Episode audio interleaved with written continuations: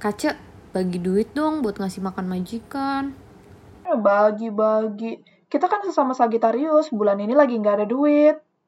Aduh, iya juga ya. Kok bisa samaan gitu ya? Iya nih, kantong aku lagi kering banget nih. Keringet aja males nempel. Wah, iya nih lagi bulan-bulan kekeringan nih. Wah, ada apa nih ngomongin bulan-bulan kekeringan? Tapi yang biasanya nih, bulan-bulan kekeringan itu cuma sampai bulan Agustus. Tapi makin ke sini makin gak jelas berakhirnya kapan. Loh, cuma sampai bulan Agustus. Emangnya bulan Agustus tuh gaji kita bakalan naik ya? Hah? Gaji? Ya iya gaji.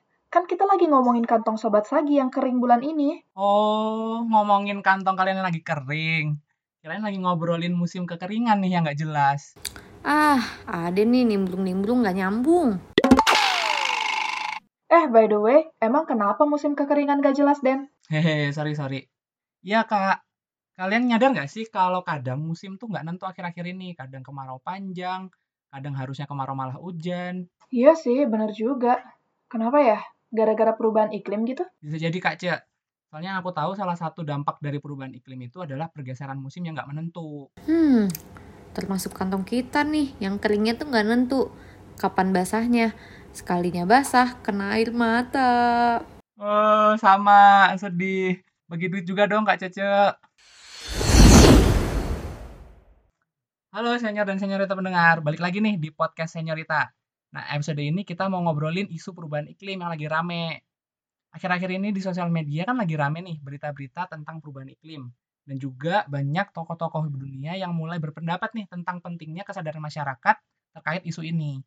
Nah, menurut kalian bertiga nih, eh, Kak Amel, Kak Cece, dan Nida, apa sih perubahan iklim itu?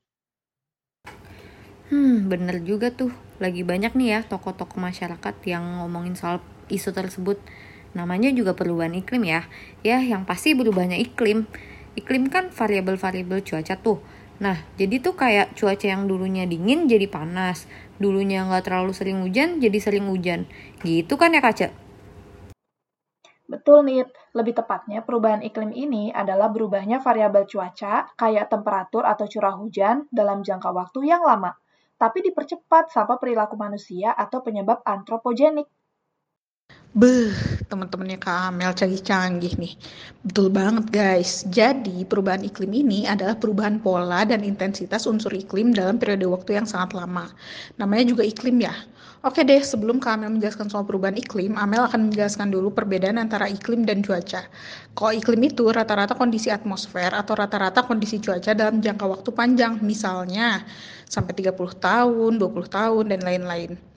Kalau cuaca itu kondisi atmosfer dalam jangka waktu yang sebentar, kayak besok hujan, tiga hari lagi hujan, kemarin panas. Nah, makanya perubahan iklim adalah berubahnya pola iklim dalam jangka waktu yang lama. Ah gitu ya Kak Amel ya. Jadi intinya perubahan iklim itu perubahan dari karakter-karakter atau kondisi atmosfer atau cuaca suatu wilayah seperti temperatur, curah hujan, kelembapan, dan angin, tapi dalam jangka waktu yang panjang gitu ya. Nah, perubahan iklim ini tuh kan nggak langsung terjadi nih. Pasti banyak faktor yang mempengaruhi kan, utamanya dari aktivitas manusia gitu kan.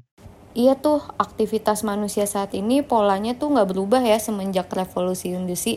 Jadi polusi di bumi tuh tetap terus meningkat.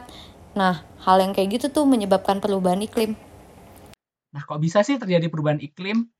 Dan aktivitas manusia seperti apa ya yang bikin perubahan iklim makin parah? Penyebab utama terjadinya perubahan iklim itu adalah pemanasan global. Nah, pemanasan global sendiri adalah peristiwa memanasnya suhu udara diakibatkan oleh gas rumah kaca. For your information nih, suhu bulan Juli 2021 kemarin adalah rekor suhu terpanas selama 100 tahun terakhir loh. Dan tahun 2016, 2020, dan 2021 merupakan tahun-tahun terpanas yang pernah tercatat dalam sejarah. Wow, faktanya menarik banget tuh. Kenapa ya bisa terjadi pemanasan global kayak gitu, Kak? Pemanasan global sendiri itu disebabkan oleh efek gas rumah kaca. Efek gas rumah kaca sendiri adalah kondisi di mana radiasi matahari terperangkap di bumi disebabkan radiasi matahari tersebut dilingkupi oleh gas rumah kaca. Sederhananya mungkin seperti itu ya. Gas rumah kaca sendiri ada empat nih, ada karbon dioksida, metana, uap air, dan nitrogen dioksida. Nah, gas-gas tersebut itu kan uh, bisa dibilang sebagai polutan ya, Kak. Apalagi kalau jumlahnya itu berlebihan. Dan yang aku tahu, sumber-sumber gas tersebut itu kan dari kendaraan bermotor dan juga industri-industri gitu ya. Kira-kira apalagi nih sumber-sumber gas rumah kaca lainnya ya? Betul, Dan. Selain dari kendaraan bermotor dan asap limbah industri, sumber gas rumah kaca lainnya adalah peternakan yang menghasilkan gas petada. Pembentukan gas rumah kaca sendiri dibagi menjadi dua mekanisme. Ada yang karena alam dan ada yang disebabkan aktivitas manusia. Kalau dari alam kayak tadi tuh, peternakan yang menghasilkan metana, gunung merapi, dan lain-lain. Kalau yang dari aktivitas manusia, misalnya kendaraan bermotor, energi, pembakaran batu bara, industri, dan lain-lain. Hmm, gitu ya Kace. Tuh Den dengerin, makanya jangan bolos energi. Kita budayakan nih jalan kaki sama naik transportasi umum. Jangan dikit-dikit pakai motor, dikit-dikit pakai mobil. Ya, lu kali nih jajan sebelah depan gang aja naik motor kan lo. Nah iya tuh, jangan sering-sering pakai motor. Anyway, kalian tahu nggak sih fakta-fakta yang lebih mencenangkan mengenai perubahan iklim ini? Nih ya, NASA mencatat ada banyak sekali peristiwa di bumi dalam bentuk bencana sebagai akibat dari perubahan iklim. Rata-rata temperatur bumi meningkat sekitar 1,18 derajat Celcius sejak akhir abad ke-19, yang disebabkan oleh meningkatnya konsentrasi karbon dioksida dan aktivitas manusia. Terus, pemanasan paling dahsyat terjadi selama 40 tahun terakhir, 7 tahun terakhir ini merupakan yang terpanas, di tahun 2016 dan tahun 2020 paling terpanas. Wow. Terus, ternyata lautan sebagai penyimpan panas telah banyak menyerap panas yang meningkat di atmosfer. Di 100 meter bagian atas lautan, itu menunjukkan pemanasan lebih dari 0,33 derajat Celcius sejak tahun 1969. Padahal ya, bumi ini menyimpan 90% energi ekstra di lautan. Nah, Kak Cici kan udah ngejelasin nih fakta tentang perubahan iklim dari temperatur dan lautan aku mau nambahin lagi nih dampak perubahan iklim lain yang terjadi saat ini. Data dari NASA nih menunjukkan uh, Greenland kehilangan rata-rata 279 miliar ton es per tahunnya antara tahun 93 dan 2019.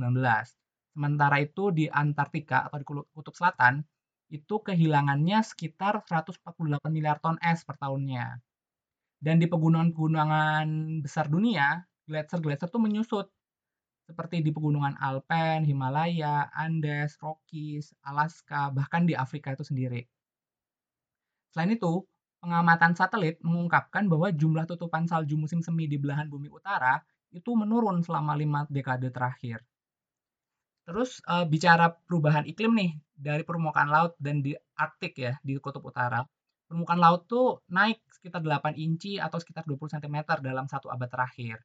Dan ketebalan es es di laut di laut Antartika, eh sorry Arktik itu telah menurun juga dengan cepat selama beberapa dekade terakhir. Nah, selain fakta-fakta perubahan iklim di alam itu ya tadi, perubahan iklim itu juga turut memperparah bencana yang terjadi loh, seperti kebakaran hutan dan badai. Menurut World Meteorology Organization atau WMO, kejadian kebakaran hutan tuh sebenarnya beberapa tahun terakhir udah menurun. Tetapi ketika terjadinya ketika sekalinya terjadi kebakaran nih, area dan intensitasnya itu meningkat. Selain kebakaran hutan, eh, badai yang terjadi selama 30 tahun terakhir itu frek intensitasnya itu semakin meningkat juga. Wah, menarik sekali ya. Tadi tuh Kak Cece dan Aden udah nyebutin kan kondisi-kondisi alam yang terjadi karena perubahan iklim. Tapi perubahan iklim itu juga berdampak loh pada flora dan fauna di bumi. Contohnya nih ya, setengah dari spesies amfibi di bumi terancam mengalami kepunahan akibat perubahan iklim. Sebenarnya sih, kepunahan itu merupakan fenomena yang wajar ya, sekitar 5 spesies tiap tahunnya. Tapi, akibat perubahan iklim, beberapa peneliti menduga kita berada di era pertengahan kepunahan massal. Peneliti mengestimasi lusinan spesies flora dan fauna yang punah setiap harinya hampir seribu kali lipat dari yang sewajarnya. Bahkan 30-50% dari total spesies yang ditemukan diduga akan menghilang. Perubahan iklim juga berdampak ke kesehatan kita. Tahu nggak sih, suhu yang meningkat memperparah kualitas udara, menurunkan produksi pertanian, meningkatkan penyebaran penyakit menular, dan mengancam ketersediaan air. Selain itu, berdasarkan penelitian tahun 2018 oleh The Lancet menunjukkan bahwa peningkatan suhu juga meningkatkan angka kematian yang berkaitan dengan panas. Tekanan dari suhu yang tinggi itu bisa meningkatkan resiko serangan jantung dan pneumonia. Wah, jadi gitu ya Kak Amel. Ngeri juga ya dampak akibat perubahan iklim ini. Kalau ini terus-terusan kayak gini nih, dampak perubahan iklim kayak bencana-bencana gitu, yang tadi udah dijelasin tuh ya, akan terus-terus terjadi dong ya? Nah, bener banget nih. Ini aku sempat nemu nih uh, literatur dari National Geographic ya. Jadi uh, kemungkinan-kemungkinan yang akan terjadi seluruh dunia jika perubahan iklim ini tuh tidak ditahan uh, peningkatannya. Kayak nanti di Afrika Selatan itu diperkirakan kekeringan akan semakin banyak terjadi. Terus di Australia kebakaran hutan akan lebih sering terjadi. Selain itu juga punah berbagai macam spesies akan semakin banyak lagi kan tadi yang seperti dijelaskan gitu dan bahkan bakal timbul penyakit-penyakit yang berkaitan dengan pandemi di seluruh dunia yang yang berhubungan pula dengan perubahan iklim. Wah, beneran ngeri sih, Den. Jadi sebetulnya dampak perubahan iklim ini tuh sangat luas ya. Gak hanya ke cuaca aja, tapi juga ada permasalahan kesehatan. Kayak semakin banyak tuh timbulnya penyakit dan hilangnya spesies-spesies di bumi.